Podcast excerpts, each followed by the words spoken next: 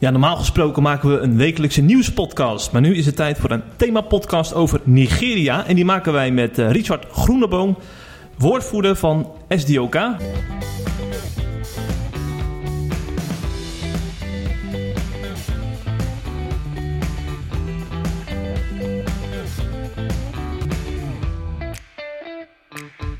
Richard, welkom in de podcast. Ja, dankjewel Jeffrey. We zagen op onze CIP-redactie zoveel berichten over Nigeria voorbij komen. Toen dachten we, we moeten toch eens een keer naar die Richard toe. Want jij bent al uh, tig keer in Nigeria geweest, hè? Nou, inderdaad best wel wat keer. Denk ik een keer of zes of zo de afgelopen jaren. En uh, ja. ja. ook wel heel veel van het land inderdaad gezien. En uh, ja.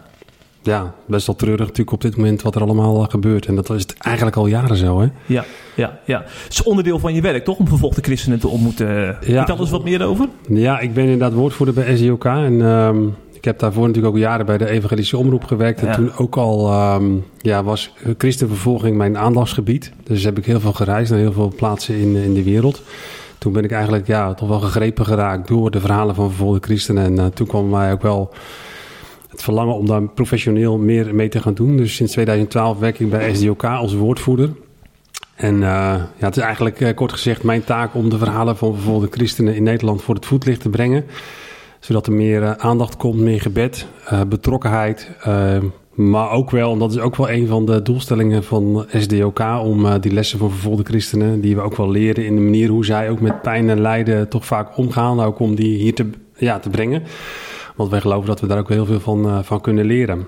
Ja, ja, het is niet alleen maar een kwestie van bidden voor die vervolgde christenen, maar het is, het is ook... Ja, de spiegel voorhouden, ja. ja, ja. Dus beide. Ik denk, um, wij uh, kunnen heel veel voor hem betekenen. Inderdaad, door gebed, door mm. betrokkenheid en uh, financiële steun, maar wij ontvangen ook heel veel. En uh, nou, we vinden het ook wel belangrijk om daar ook wel de nadruk op te leggen. Ja, ja, ja. En uh, dan kan ik me zo voorstellen dat je ook wel aan het hart gaat als je ziet wat er momenteel, tenminste momenteel al jaren in Nigeria gaande is. Want het is geen incident, hè? Nee, dit is zeker geen incident. En uh, het, het, is een beetje met vlagen dat het in het nieuws komt. Ja. Hè? En uh, dit is wel interessant dat je nu ja, de laatste tijd weer meer berichten daarover leest en ziet. Mm. En dan krijg je de indruk, oh, het is opeens uh, nu uh, zo dat het ellende is in Nigeria, terwijl het al jaren uh, ja, het geval is. Ja. We zijn samen ook in Nigeria geweest en ja, toen was de situatie een paar jaar geleden, hè, 2018 was dat 2018, geloof ik. Hè? Ja. ja. Toen was de situatie dramatisch, alleen mm. dat is het nu nog. Alleen er zijn dan van die fases. Hè. Nu was het natuurlijk recent met die grote aanslag met Pinksteren op die, ja. op die kerk in het zuiden. Minstens 70 doden. Ja, 70 doden. Hm. En dat zijn dan weer van die, van die vreselijke momenten dat dat wel even het, ja. het landelijke nieuws haalt. Hm. Uh, terwijl het helaas al ja, best wel vele jaren al uh, ja, niet goed gaat in Nigeria. Ja, ja. ik heb eventjes, uh, zeg maar, om een beetje een beeld te schetsen van hoe vaak er incidenten zijn, even de maand mei onder de loep genomen bij ons.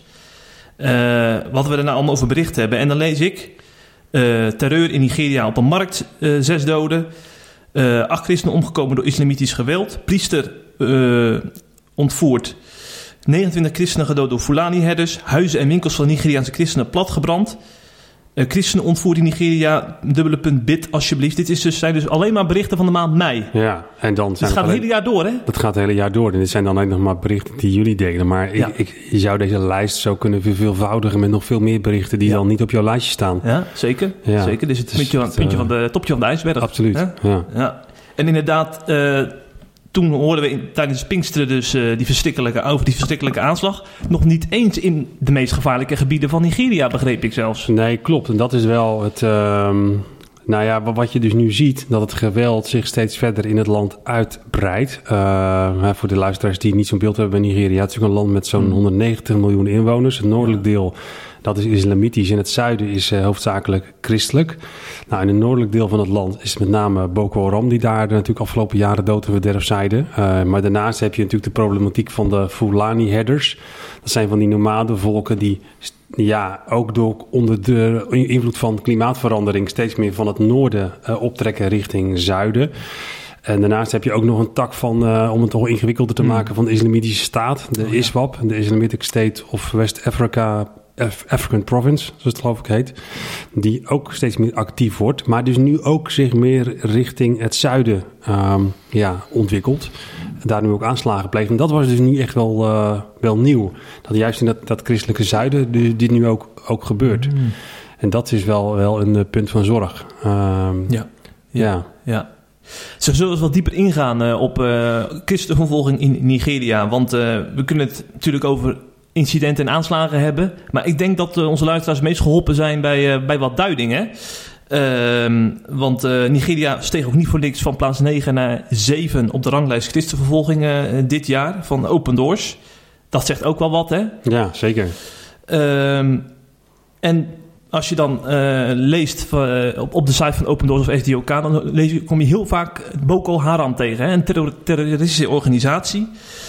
Um, is dat, is het nou uh, een groep die het echt gemunt heeft op christenen? Of, of kun je daar eens wat uh, uh, meer over zeggen? Ja, dit is wel breder dan dat. Het is eigenlijk een organisatie die zich richt tegen alles wat... Ehm, ja, tegen iedereen die het niet eens is met hun rigide opvattingen van de islam. Dus het zijn niet alleen christenen die het slachtoffer zijn... maar ook moslims die naar de opvattingen van, ehm, van Boko Haram ja, niet moslim genoeg zijn. Dus er worden ook moskeeën worden in, in brand gestoken. Ja. moslims worden vermoord. Dus het is breder dan dat. Maar uh, christenen zijn zeker wel een heel specifiek doelwit. En, uh, en men is ook echt wel erop gemunt ook om christenen ook te vermoorden. Uh, we hebben zelf toen ook tijdens onze reis ook zo'n voormalige strijder gesproken. En ik heb ook meerdere van dit soort mensen gesproken die vroeger Boko Haram-strijder waren. Ja. Die me vertelden hoe dat precies gaat. Die dus echt horen van, nou ja, christenen zijn echt specifiek doelwit. En die moet je ja, ook uh, echt, echt doden. Hm, hm, hm. En uh, uh, wordt het hen dan opgedragen om, bij wijze van spreken, het grote islamitische rijk uit te breiden? Zit er een soort van helsgedachte achter? Of...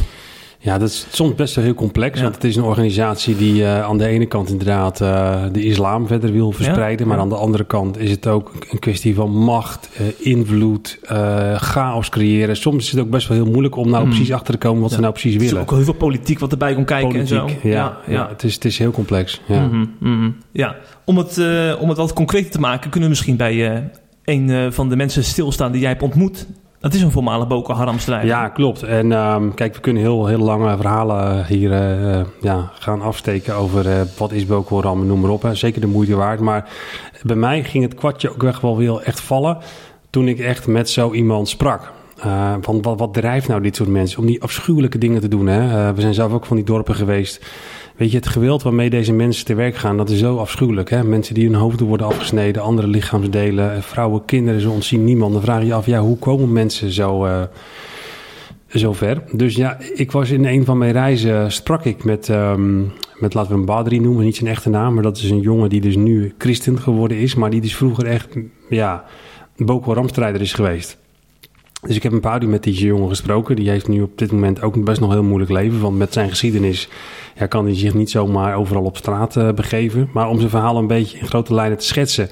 Hij vertelde dat hij uh, in het noorden van Nigeria in een dorpje uh, ja, is opgegroeid. In een gezin waar ze echt een ongelooflijk bloed, bloedhekel hadden aan, aan christenen. Ik kreeg altijd al te horen van dat christenen de meest slechte wezens op aarde waren. Um, nou, ze kregen dan bijvoorbeeld met, uh, met kerst wel eens wat, wat, wat eten van christenen. Dat werd dan door het toilet gespoeld. Dus ik zeg ook wel eens, als ik de verhalen vertel, hè, um, dat is voor mij ook wel weer eventjes een, um, ja, een verandering van je mindset. Hè. Ja, we zitten hier gezellig met elkaar aan tafel, maar stel dat jouw wieg in Noord-Nigeria staat en je krijgt dit soort dingen elke dag te horen. Hè, van hoe zou jij tegen christenen aankijken hè, als je niet beter weet, als je het elke dag te horen krijgt. Ja, dan zou je misschien ook zo, zo denken. Dus um, dat was voor mij weer eventjes weer een eye-opener. Maar goed, deze jongen vertelde mij dus dat hij toen op school zat. Uh, zat hij met een christelijke vriend in de klas. Nou, die voldeed helemaal niet aan het plaatje wat hij van thuis altijd meekreeg. Dus hij vond die vriend van hem wel een aardige kerel. Hielp hem ook met, school, uh, met schoolwerk. En toen vertelde die vriend iets over, um, over het geloof. En nou, daar was hij op zich wel geïnteresseerd in. Maar zijn ouders die kregen daar dus wat lucht van. En die zeiden, nee, je moet niet met deze jongen omgaan, dat is heel gevaarlijk. En uh, nou, op een gegeven moment, lang verhaal kort, ze hebben hem toen van die school afgehaald. Hij mocht ook niet, mocht niet met, met die jongen omgaan, want hij had contact met zijn dominee, waar hij dus wat gesprekken mee had. En dat hebben ze, nou, elke keer, uh, toen zocht hij toch weer contact. Toen hebben ze hem op een gegeven moment echt in huis opgesloten. En uiteindelijk... Zijn eigen zoon? Zijn eigen zoon, ja. Oké. En uiteindelijk hebben ze dus, deze um, jongen is in een Boko Haram kamp terechtgekomen. Nou, toen is er ergens een draadje losgeschoten bij deze jongen. Toen dacht hij van ja, ik, ik had belangstelling voor het christelijk geloof. Maar ja, dat geloof, ja, dat levert me ook niks op. Nu zie, zit ik hier. Dus toen is hij toch weer helemaal teruggevallen in zijn oude geloof. Maar toen echt in de hele extreme variant. Ik kreeg daar dus trainingen waarin hij dus echt eh, leerde op poppen te schieten. En er werd dus precies verteld hoe je moest met wapens moet omgaan. Uh, er werd ook verteld dat je inderdaad als je christenen tegenkwam, dat je die uh, niet moest uh, sparen. En op een gegeven moment ehm, ja, werd hij ook opgedragen om naar, ja, naar christelijke dorpen toe te gaan, om daar christenen te gaan vermoorden. En nou jongen, ik vond het echt heftig, want ehm, toen hij dat vertelde, ik zag gewoon, weet je, dit is, dit is niet een verzonnen verhaal. Hè? Jan, waarom zou ik zo'n verhaal ook verzinnen? En hij uh, beleefde het allemaal. Nou, we gaan straks horen hoe hij daar helemaal is uh, uitgekomen uiteindelijk. Maar ik heb die jongen een paar uur geïnterviewd. En um, nou, hij vertelde mij dus ook van ja, hoe dat was nou om gewoon uh, ja, mensen neer te gaan schieten. Misschien kunnen we even gaan luisteren naar een fragmentje waarin hij daar zelf over vertelt. Goed idee. If you meet a Christian, kill him. Kill him. Don't spare his life. Don't spare their lives. Once he's a Christian, kill them. We kregen de opdracht, als je een christen ontmoet, dood hem. Spaar zijn leven niet. Ik zei, oké. We gingen naar een dichtbijgelegen dorp en jaagden alle mensen weg. We namen alle spullen mee en kwamen later terug. And you also killing the people? You must kill. Ja, je moet de mensen vermoorden. Yeah. Can, can you remember the first time that you was killing people? I can imagine it's a little bit strange. Uh... Well, it was, it was not easy. it was not easy, so to say, because they were screaming. And not only screaming, they were begging. Please, In het begin was het niet makkelijk om mensen te doden. De mensen schreeuwden het uit. Ze schreeuwden niet alleen, ze smeekten om hen niet te doden. Maar ondanks dat smeken gingen we gewoon door met moorden. Sommige mensen schreeuwden het uit voor je ze neerschoot. Maar na enige tijd is het helemaal stil. En op zo'n moment bonkte mijn hart heel snel. I felt it and my heart like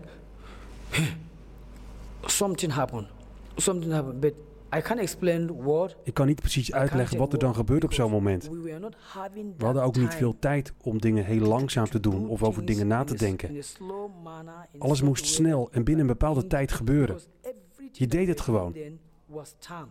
In het begin heb je niet een specifiek doel als je schiet. Je schiet op iedereen, zodat mensen helemaal in de war raken. Just do it. Just do it. But, uh, but I can imagine when you are also uh, killing uh, children, uh, women. But if after the first time it doesn't hurt you anything. At first, you don't have a target. You make sure you shoot at everywhere so that people become confused. You shoot sporadically. Pa, pa, pa, pa, pa, pa, pa. You don't care. Je schiet achter elkaar door. Het maakt je helemaal niet uit of het een vrouw, een man of een kind is. Alles wat je van je doel kan afhouden, daar schiet je op. Wie of wat het ook maar is. Klein en groot. Je vertrouwt niemand op zo'n moment. Ook een kind niet. Je kan in een valstrik gelokt worden. Je schiet op elk mens dat voor je staat. There is a foul play, maybe they arrange something. So either a child or whoever. So after doing it, I went back. If I do like this, I want to sleep. Then I just remember I had something in my eyes like somebody screaming. Als ik na afloop naar huis ging en op bed lag, hoorde ik wel de mensen in mijn hoofd nog schreeuwen en smeken. Dan schrok ik wakker. Het maakte me onrustig. Het doden van een mens was voor mij hetzelfde als het slachten van een kip. Killing a human being becomes like slaughtering a chicken. Ik, uh, bij mij deel uh, galmt het nog een beetje na. Van een ja. pang, pang, pang bijvoorbeeld. Ja, dat is uh, ongelooflijk. Heftig, ja. man. Ik, ik weet nog heel goed, het is een van de interviews die, um, ja, die ik nooit meer zal vergeten. Ik nee. zie nog steeds die jongen daar zitten op een stoeltje en ook wel een stuk angst in zijn ogen. Ja, dit is zo demonisch, hè, wat hij hier vertelt. Um, dat is, um, is, onvoorstelbaar. En tegelijkertijd, hè, en dat is, dat is ook zo... Deze jongen is uh, nu, uh, nu christen geworden. En misschien is het goed om dat positieve verhaal ja, ook te vertellen. Hoe dat gegaan. Te weten. Ja, ja, hoe dat dan gegaan is. Want je zou bijna denken als je dit hoort... hoe is het mogelijk dat zo'n jongen dan uh, christen wordt? Hè? Je ziet wat hij gedaan heeft. Nou, dat is volgens gegaan. Op een gegeven moment nou, vertelt het hier al... Hè, dat hij dus s'nachts ook wel mensen, vrouwen, kinderen horen schreeuwen en zo. En hij is daar toch mee in de knoop gekomen op een gegeven moment. Dat hij voelde, ja, dit wil ik eigenlijk helemaal niet meer. Nou, toen heeft hij op een gegeven moment zo'n soldatenkloof uitgetrokken. Heeft zijn Kalashnikov onder een boom gegooid en is gaan rennen, gaan rennen. En uiteindelijk, na een heel lang, lang verhaal, toen is hij dus weer naar die kerk gegaan, waar die dominee dus uh, predikant was... waar hij toen destijds contact mee had gehad... toen hij Oh. nog met die vriend omging. Ja, ja. Toen is hij daar, heeft hij daar aangebeld. Toen heeft hij gezegd, eh dominee, ik eh, ben die en die. Weet u nog wie ik ben? Ja, dat wist die man nog wel. En toen vertelde hij dus dat hij dus bij Boko Haram heeft ge- gezeten. Nou, die man die schrok zich helemaal lam.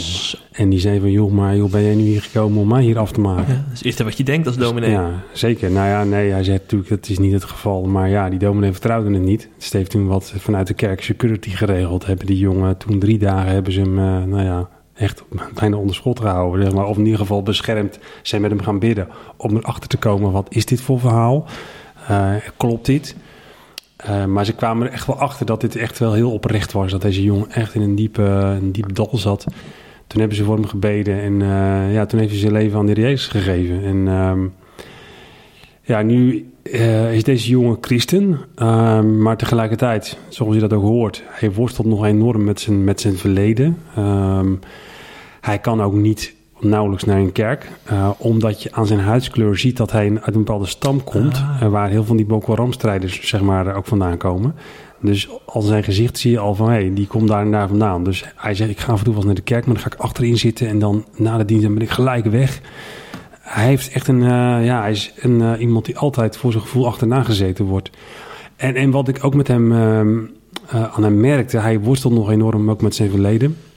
Ik had zijn hele verhaal voor gehoord en je moet je voorstellen, joh, ik heb natuurlijk in heel wat keren ook Nigeria bezocht, heel veel slachtoffers gesproken. En dan, dan spreek je met iemand die dus verantwoordelijk is voor dit soort dingen. Hè? En eh, dat vond ik best heftig. En eh, op een gegeven moment toen had hij zijn verhaal verteld. En toen, eh, weet ik nog goed, toen legde hij zijn hoofd op tafel. En toen begon hij heel hard te huilen. En toen zei hij tegen me van, joh, hij zegt... Dagelijks bid ik tot God. Oh God, wat kan ik doen om al het leed wat ik al die mensen heb aangedaan... om dat te compenseren voor u? Dus eh, ik zat er zo met hem te praten. dat raakte me wel. En eh, Ja. ik zei ook zo tegen hem van, joh, maar... Weet je, je hoeft helemaal niks te compenseren. Hij zegt, ik zei ik zo van, ja weet je, want Jezus heeft het allemaal al gedaan. En dat geldt voor mij, en dat is echt een les, hè. Dat is echt een les. Eh, dat geldt voor mij ehm, en voor jou, hè, als brave burgermannen die gewoon elke dag naar hun werk gaan, hè, hun werk doen. Maar dat geldt uiteindelijk ook voor mensen die de meest heftige dingen gedaan, hebben gedaan en die die beleiden voor God, hè. Dat is natuurlijk wat, wat Jezus ons zelf leert, hè. En dat is natuurlijk een hele, dat is zeg maar de kern van vergeving. Dat wat je ook gedaan hebt, als je je zonde beleidt, dat die gewassen zijn door het bloed van Jezus. Ehm, maar dat is een, een boodschap die best wel, eh, die zo groot is, die voor ons best moeilijk te begrijpen is. En natuurlijk zijn er nog dingen, hè, van eh, hoe zit het dan met het recht? En dat is ook zo, hè, we moeten dit soort mannen ook niet gewoon de gevangenis in en de verantwoordelijkheid dragen wat ze hebben gedaan. Ehm, en dat, dat vind ik wel. Ehm, je ziet overigens wel, ook in de landen als Nigeria heb ik best wel heel veel ook slachtoffers gesproken, dat mensen daar heel erg toch wel eh, denken vanuit eh, vergeving. Hè? Dus in die zin, Mhm. als je vergeven bent, dan is het ook, zeg maar, dan hoef je niet per se meer de gevangenis in. Ik denk zelf dat dat niet een bijbelse lijn is. Ik geloof zelf dat je eh, ja, moet vergeven, mensen lief moet hebben, maar dat het recht wel eh, moet blijven staan. Hè? Dat je ook verantwoordelijkheid moet dragen voor, eh, voor, je, voor je daden. Ehm, ik denk dat het wel meespeelt dat in landen als Nigeria, en dat is denk ik ook een van de, van de problemen van, van wat er speelt, dat er eigenlijk geen, geen rechtsstaat is. Hè? Daders Ja, lopen nog vrij Zit ook rond. niet in een denkwereld dan. zit niet zo in een denkwereld. Mensen blijven gewoon, eh, die dit soort dingen doen, eh, vrij rondlopen. En dat is wel een, eh, wel een probleem. Dus dat op een gegeven moment dat wel een beetje geïnternaliseerd wordt in het Hm. denken van mensen. Hm. Tegelijkertijd denk ik dat het hele manier van, van vergeven, dat ik in ieder geval, en herken je dat wel, dat wij er wel van kunnen leren. Ja. Dat wij vaak wel denken van, nou ja, weet je, voor hem niet, voor mij wel. Hè? Ja. En- Terwijl Jezus wel eh, anders spreekt. Mhm. En christenen zijn ook geroepen om verschil te maken. Nou, Ja. dit is wel een verhaal waarmee je verschil Zo, maakt, zeg, jongen, voor je jongen. omgeving. Ja, ja. Huh? En eh, nou, we hebben toen later ook nog, want er is een boekje uitgekomen. Toen van SDOK hebben we dat uitgegeven. Eh, misschien kun je Habila nog wel herinneren. Ja, die was ook een keer in eh, Nederland, in Utrecht. In de Ja, kerk, waar ik, waar ik hem zag. Ja, Habila, nou voor de luisteraars, dat is ook een man die is door Boko Haram in zijn hoofd geschoten. Hm. Ik doe veel door een wonder overleefd. Ehm, en toen hebben we dus deze man, die hebben we in contact gebracht met die Habila. Ah. Eh, en die heeft toen ook hem vergeven, zeg maar. En daar heb ik een boek over geschreven. En dat is nog te bestellen trouwens bij eh, SDOK, eh, SDOK, Kalifaat op de Kogel. Ehm, dus ga naar de webshop van uh, SDOK. Echt zeer fascinerend om zeg maar, het verhaal van deze Badri, van wie ik nu dit verhaal vertelde, maar ook het aspect van vergeving te lezen. Ja, dat, ehm, dat ehm, komt bij mij telkens wel weer binnen. Ook Snap nu, ik. Ook nu ik dit verhaal weer hoor. Ja, ja, ja. Over verhalen uh, die binnenkomen gesproken. Wij zijn natuurlijk inderdaad, wat je al eerder zei, in Nigeria geweest in 2018. Ja. En toen zijn we naar een hele bijzondere plek geweest. Namelijk een plek uh, waar een jongen zijn ouders en twee broers heeft verloren. Hè? We hebben het over Giyang. Ja. En uh, we gaan natuurlijk niet voor niks ook dit verhaal uh, erbij halen. Want uh, het hele uh, christenvervolging verhaal in Nigeria gaat natuurlijk niet alleen maar over Boko Haram. Dat gaat ook over de Fulani-herders. Klopt. En ja. deze Giyang heb je aan de, aan de lijve ondervonden waar die Fulani-herders toe in staat zijn. Hè? Ja, Giyang, hè, je kunt het nog herinneren, was een, um, een jongen die iets heeft meegemaakt waar je ook van... Ik denk het jongen, jongen, je zult het maar meemaken. Hij is een, student... Um, die woonde in, in Jos, een grote stad. En op een gegeven moment ziet hij op Facebook dat er een aanslag heeft plaatsgevonden in het dorp waar zijn ouders woonden en zijn familie. Um, nou, je ziet dat en probeert dan contact op te nemen met zijn ouders. Maar die neemt de telefoon niet op. Nou ja, hij vreest al het ergste. Uh, is toen uh, vrij kort daarna er naartoe gegaan. Maar hij, ja, toen was het hele dorp eigenlijk al uh, in lichte laaien. En toen kwam hij er dus achter dat zijn beide ouders en zijn twee broers dus vermoord waren. Zijn eigen moeder was neergeschoten in het toilet. En zijn vader en twee broers die zijn leven verbrand omdat het huis waar ze lagen te slapen... of de slaapkamer waar ze lagen te slapen gewoon in brand is gestoken. En nou, we zijn toen samen ook in die, op die plek geweest. Hè? Ik weet nog heel goed hoe die daar in die... Ja, wat dan de slaapkamer was, stond tussen de puin. En... ehm, ja, hij was echt nog wel getraumatiseerd ook, hè? Ja, zeker. Dat zag je ja, duidelijk. Ja. Ja. Vond het ook best moeilijk om, om erover te vertellen. Het idee was natuurlijk ook om daar ter plekke ook interview met hem te doen. Mm -hmm. uh, dat hebben we toen op een andere plek gedaan. We zijn toen wel teruggegaan. Maar ook bij deze jongen merkte je wel dat het geloof een hele belangrijke rol speelde. En ehm, ook bij deze jongen ja, vond ik dat wel bijzonder. Dus misschien kunnen we ook even naar een fragmentje gaan luisteren... waar hij dat dus ook uh, over vertelt, welke rol ook um, ja, voor hem het geloof uh, speelde... als het gaat om het omgaan met deze dramatische gebeurtenis. Yeah, actually, it's a, it's a question that um, if being allowed... We can ask God why, why, why he allowed De vraag naar het waarom mag je zeker stellen. Je kan zeggen, Heere God, waarom moest dit nu gebeuren? God heeft dit toegestaan en je krijgt geen antwoord op het waarom. Het beste is om ondanks alles in God te blijven geloven. What we believe in is in God, because that's the that's the best. My dad used to told us that we all the, we don't have anybody except God. So Mijn vader leerde me altijd: buiten God hebben we niemand. Hij is de enige die me houvast geeft. En hierin blijf ik geloven. Ik geloof ook dat gebed echt helpt. Het is eigenlijk niet mogelijk om verder te leven als je vijf familieleden in één nacht kwijtraakt. Maar ik geloof dat ik dankzij het gebed kracht heb gekregen om verder te gaan. Bid of God me bij alles nabij wil zijn. Dat Hij me blijvend kracht geeft en me voorziet in datgene wat ik nodig heb. Bid ook dat ik met Hem sterk mag zijn. that God should continue to strengthen me, provide for me where it's needed. I think that's all, and help me to stay strong with Him. Hij doet me ook ergens denken aan Job, hè? Ja, Ook iemand die allemaal familie, familieleden verloor ja en daarvoor om klopt. vragen stelde. Precies. Ik heb ook al eens een keer iemand gesproken, ook zo'n voorganger. Die was ook eh, echt eh, tientallen gemeenteleden kwijtgeraakt. Ja. En eh, die, die vergeleek zich ook heel erg met Job. Mhm. Inderdaad, dat, daar moest ik nu ook aan denken eh, Hm. bij dit verhaal. Mhm, mhm. Ja.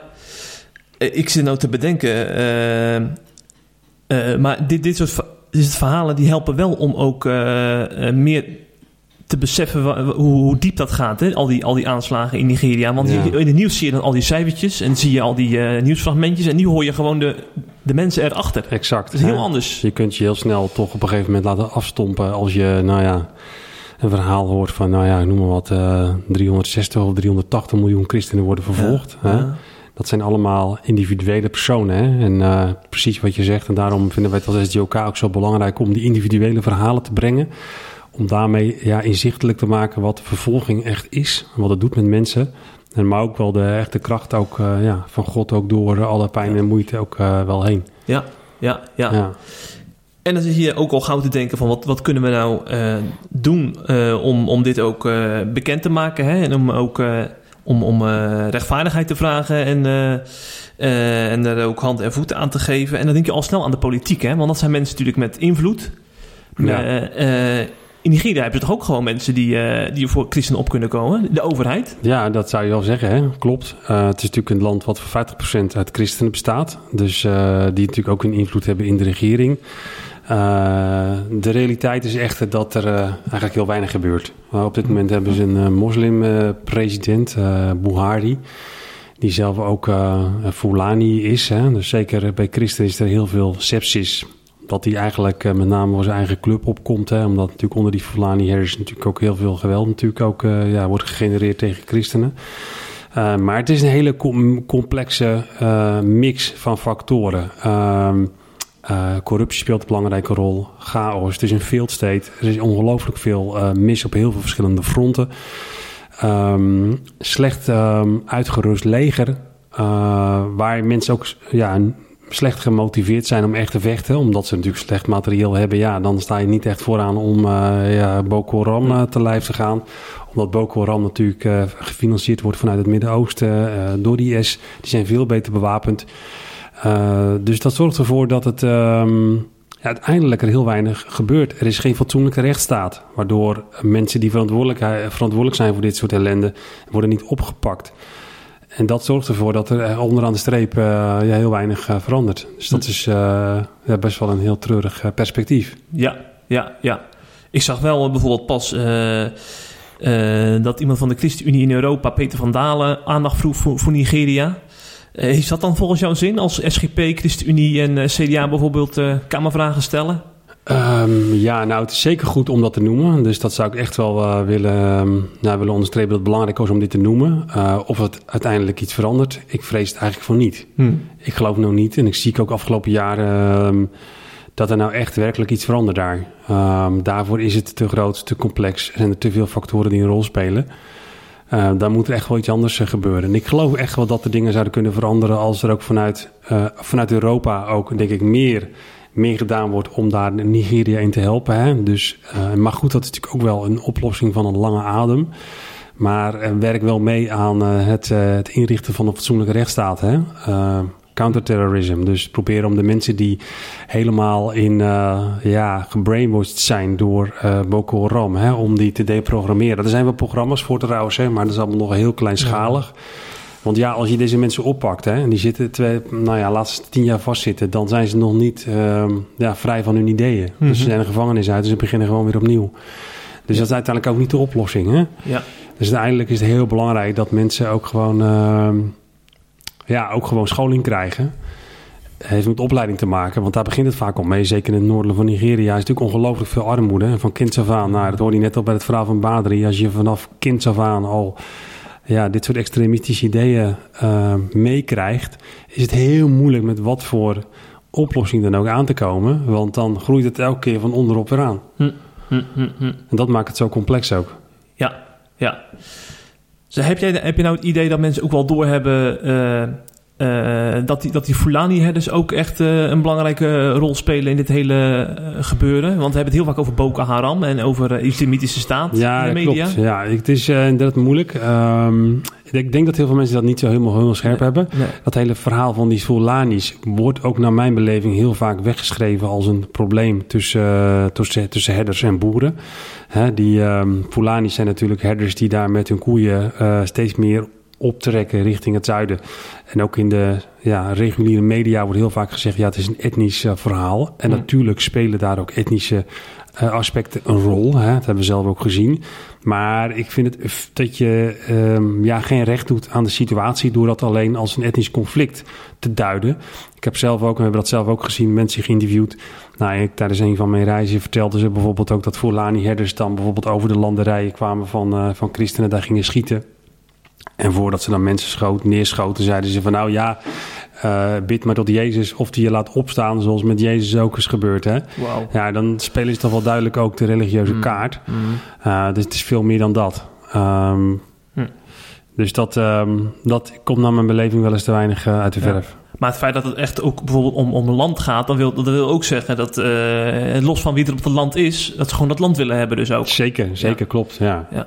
Ja, dus wat dat betreft is het heel moeilijk om, uh, om er één sticker op te plakken. Hè? Ja, is zo. Ja, Natuurlijk ja. spelen vaak in dit soort landen heel veel dingen een rol. En, ja. Um, ja. Dus dat, dat zorgt ook wel voor dat je... Het is belangrijk om uh, daarin een bepaalde nuance te, te, weer te geven. En tegelijkertijd moet je ook de waarheid niet willen, willen onderkennen... dat het ook zeker een heel duidelijk religieuze, religieuze, religieuze kant heeft. Mm -hmm, mm -hmm. ja.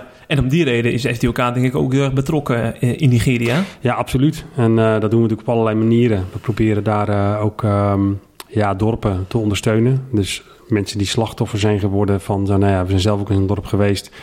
waar mensen dan ja, in ziekenhuizen moeten worden opgenomen. Mensen hebben daar niet de middelen om daar zelf hun ziekte, ziektekosten te betalen. Dus proberen dan uh, daarin een stukje ja, een bijdrage te leveren. Uh, voedselhulp, zeker in zo'n eerste periode, dat mensen echt alles kwijt zijn. Hè? Want zo'n dorp wordt helemaal in de fik gestoken. Ze zijn alles kwijt. En uh, ja, op die manier ook mensen uh, weer even verder op gang, op gang te helpen. Uh, zodat ze toch weer het leven kunnen, kunnen oppakken. Ja. Dat is een van de dingen. Daarnaast natuurlijk ook uh, ja, ex-moslims, daar hebben we nog niet eens over gehad, maar dat is een apart verhaal. Je ziet dus na alle best wel treurige verhalen, dat je ook ziet, dus met name in het noorden van Nigeria, we daar zelf uh, zijn we er ook getuigen van geweest. Dat je ook ziet dat moslims toch wel vragen gaan stellen. Van ja, is dit nou het geloof waar ik in wil blijven geloven? Hè? Zoals Boko Haram IS dat uitdraagt. En dat ze daar niet vastlopen. En dan soms door een droom of door contact met christenen uh, Jezus zien, uh, over Jezus horen. En dan een, le een leven van Jezus willen geven. Maar dan vervolgens met heel veel verzet en moeite vanuit de familie te maken krijgen. Met de dood worden bedreigd.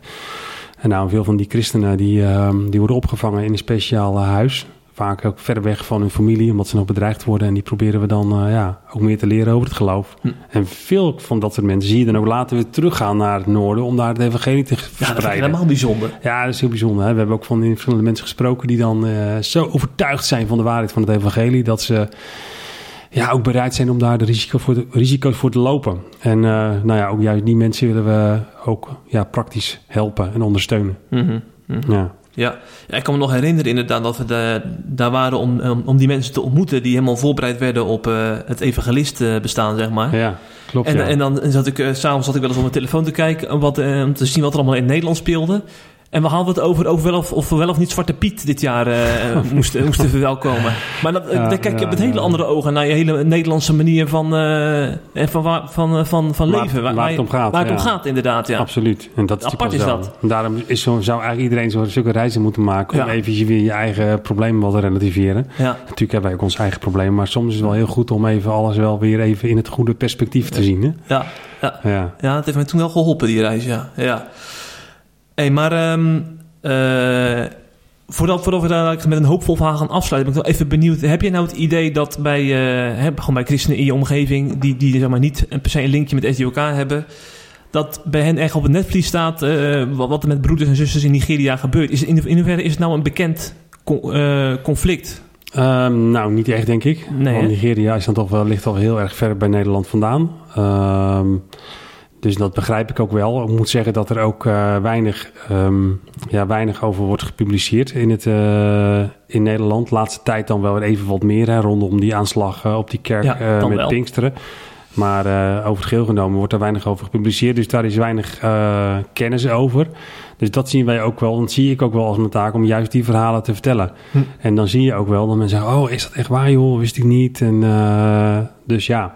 Dus ik denk dat die daarin ook wij juist wel een hele belangrijke taak hebben om die verhalen te vertellen, om uh, christenen ook in Nederland bewust te maken en uh, ook te helpen om uh, op die manier ook te bidden voor vervolgde christenen, ook in Nigeria, zodat ja, die bekendheid wel groeit. Ja, ja, ja.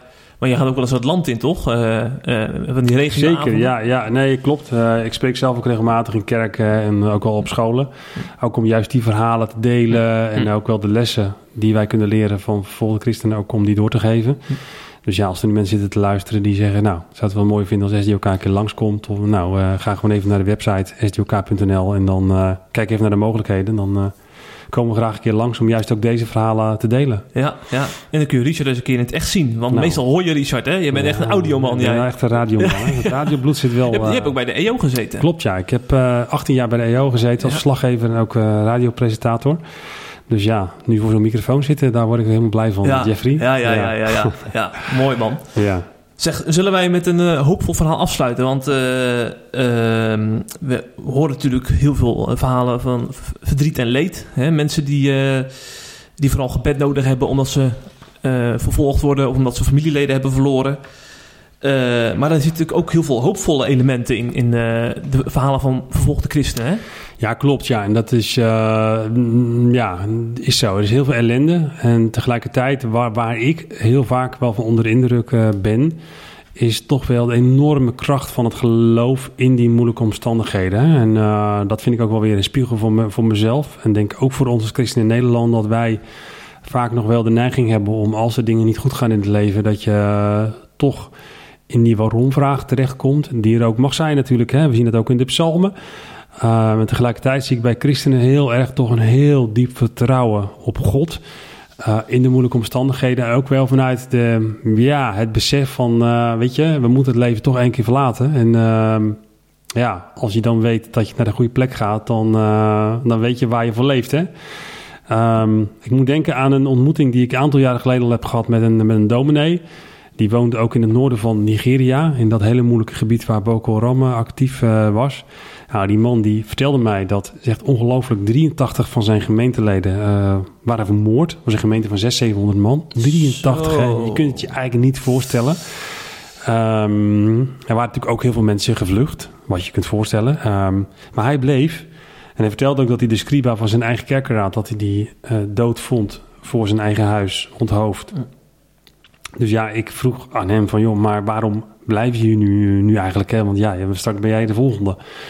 Nou, dan moet je even luisteren wat hij daar dan uh, over zegt. Ik heb hem ook geïnterviewd en daar zegt hij een aantal hele wel uh, treffende dingen over. Ja, yeah, I may be the next one that will be killed, but one thing I know is that those who will kill me may only kill this body, but they don't have power over my spirit. Ja, het kan inderdaad zo zijn dat ik de volgende ben die wordt vermoord. Maar ik weet dat degenen die mij vermoorden alleen mijn lichaam kunnen doden. Ze hebben geen macht over mijn geest. Ik ben ook niet zo bezig met de vraag of ze mijn lichaam zullen doden. Wat me meer bezighoudt is dat ze mijn lichaam, maar ook mijn geest kunnen doden. Dat betekent namelijk de eeuwige dood.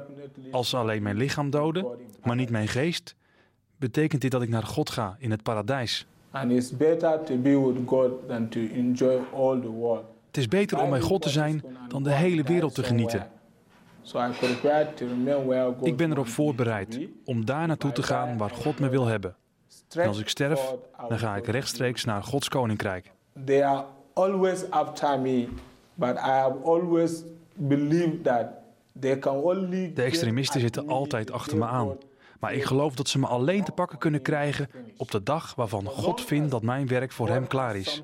Maar zolang God nog werk voor me heeft in de vervolgde kerk van de staat Jobe, zolang zal God me ook beschermen en me in leven houden.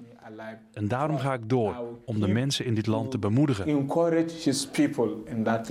Dat doet mij denken aan uh, verhalen die pas hoorden van uh, Oekraïense kerkleiders die in hun land blijven, uh, ondanks de Russische invasie, om daar hun gemeente te dienen. Exact. Dat is hetzelfde verhaal eigenlijk. Hetzelfde verhaal, ja, ja klopt. Ja. En dat is natuurlijk zo'n diepe overtuiging. Hè? Dat weten we natuurlijk allemaal. Hè? Als je Jezus kent, dat je uiteindelijk veilig bent bij Hem. Maar in de praktijk van het leven is soms weer barstiger. Hè? En dan kun je nog zo daardoor allerlei angsten zeg maar, laten regeren. En dit, dit houdt mij ook wel weer een spiegel voor. Hè? Kijk, uh, wij leven nu in een comfortabele positie. Maar er hoeft maar iets in je leven te gebeuren. Hè? En je leven kan op zijn kop staan. En is dit uiteindelijk het anker waar we onze hoop op mogen stellen? Hè? Uiteindelijk dat Jezus zeg maar, uh, ja, er is. Dat hij, als hij voor jou zondag gestorven is, dat hij je niet zal laten zinken. En wat er ook gebeurt, dat je uiteindelijk veilig bent bij hem. En als je dat niet hebt, dan is het le leven erg hopeloos. Hm. Hm. Hm. Ja. En ja. dat is natuurlijk wat deze man uh, draagt en waardoor hij het vol kan houden. Ja, ja, ja, ja. En dat is natuurlijk een hoopvolle boodschap. Absoluut, absoluut, ja. Eigenlijk, uh, ook als je die verhalen hoort, hunker je toch ook een beetje naar, uh, naar al die beloften van de, de, nieuwe hemel en de nieuwe aarde. Dat uh, dadelijk helemaal geen Poetin of geen Nigeriaanse strijdgroep meer is. Exact, ja. Nee, dat is ook mijn gebed. Heel vaak, Heere God, kom terug. Jezus, ja. kom terug. Laat een einde komen aan al deze ellende. Weet je, dat Hm. is wel een, wel een geweldig perspectief wat we voor ogen Mhm. hebben. Ja, En eh, wat mij betreft mag het wel eh, snel zo zijn. absoluut. Ja. Het mooie is natuurlijk dat het ook echt een zekerheid is. Hè? Want heel veel dingen in het leven, dat is maar een misschien. Dan weet je niet of het allemaal zal gaan gebeuren. Maar dit, dit staat vast, hè? Absoluut. En dat is, eh, Daarom dat die misschien die Nigeriaanse christen het ook zo goed volhouden. Ja, zeker ook. Ja, nee, absoluut. En eh daar staat natuurlijk echt, eh moet nogmaals dat leed niet onderschatten. Want dat is, Ja, is het ja. ook echt, jongen. En, ik heb er ook heel veel weduwen gesproken die mannen Oh, zeker. zijn vermoord. En, eh, Ja. Het Dus is ja, niet, alleen maar, niet alleen maar romantisch Nee, allemaal van hoop. klopt. En, en, precies. Het ja, is niet altijd dat ze op de, de toppen van het geloof staan. Hè? Nee, nee. Dit is, maar dat verandert niets aan de feiten. Hè? En Hm. dat is goed om te onthouden. Hm. En dat vind ik Hm. altijd wel ehm, belangrijk. Hè? Het hangt niet af van of ik dat nou voel of ervaar. Het, precies wat je zegt, het staat gewoon vast, ongeacht of ik het voel. En natuurlijk is het geweldig als je dat als een- zo'n dominee mag ervaren. Maar ook als je het niet voelt, dan gelukkig is die waarheid nog steeds wat die is. En eh, nou, ja, dat is dan ook weer heel hoopvol. Mhm. Ja, zeker. Kan niet van mij al uiteindelijk. Ja. Ik kan me voorstellen dat je ook wel weer een keer naar Nigeria wil om al die mensen te weer opnieuw te ontmoeten. Ja. Of nieuwe mensen te ontmoeten. Zeker, zeker. En Dat, ehm, dat gaat eh, hopelijk zeker nog wel gebeuren. Er zijn natuurlijk ook heel veel landen naast Nigeria waar ook heel veel eh, christenen worden vervolgd. Ja, ja. En eh, soms moet je daarin ook gewoon keuzes maken. Ja. Welke landen dan op dit moment prioriteit Mm. hebben. Maar Nigeria vergeten we zeker niet. En ehm er gaat ook binnenkort weer een collega van mij ook die kant ook Oh, op om, ook om daar projecten te bezoeken die we daar uitvoeren. Om Mm. eventjes ook weer te horen hoe de zaken ervoor staan. Met eigen ogen te kijken. Dus eh, nee, we vergeten Nigeria zeker niet. Mhm. ja, ja. En als je het dan hebt over andere landen die ook op het lijstje staan, eh, is er dan één eh, die al vaststaat waar je nog naartoe gaat? Of, Ja, ik hoop in het najaar dan naar Bangladesh te gaan. Eh, ook een land waar je ziet een groei van aanslagen door, eh, Hm. ook door, door moslims, extremistische moslims. Ook heftige verhalen die ik daar van- Hm. vandaan hoor. Ook eh, meisjes die worden ontvoerd en eh, noem maar op. Dat, ehm, dus nou ja, misschien kunnen we daar nog eens een keer een andere podcast over maken tegen die tijd. Ja, ja. nou dat Ja. lijkt mij een goed plan. Je zou eigenlijk gewoon eh, één keer in de zoveel tijd een land kunnen bespreken Ja, in die dat, zin. Hè? Deal? Ja, Ja, zeker. mooi. Ja. zeg Richard, mooi dat, eh, mooi dat je je bijdrage hebt kunnen leveren in deze podcast. Ik hoop dat luisteraars ook wel mee geholpen zijn. Ja, ze dan een be- beter beeld hebben bij eh christenvervolging in Nigeria. ja. En misschien ook daardoor eh, nu een, een, een gebedspunt van gaan maken. Hè? Dat is ook nog heel mooi. Ja, absoluut. Ja. En we hebben een speciale gebedsapp ook als SDOK. Oh ja. Ehm, dus kijk er even naar in de gewoon je ja, app op je telefoon onder SDOK of Bid voor ons. En dan krijg je elke dag een concreet gebedspunt. En daar komt Nigeria ook eh, Hmm. regelmatig in, eh, in voorbij. Ja, ja, super. Eh Richard, ik zou zeggen, maak er nog een hele mooie dag van. Ja, en, tot de volgende keer. Zeker, De groeten ook aan je SDOK-collega's. gaan we zeker doen. Het is een warme club mensen. Ik ben daar vaak geweest. Ja, nee, zeker joh. Dat, dat is mooi ook om daar onderdeel van te mogen Ja. uitmaken van zo'n dienst. zo'n zuinig team. op. Ja. Zeker, doen we. En tegen de luisteraars zou ik zeggen, de volgende keer weer een normale nieuwspodcast. Wees erbij. Tot dan.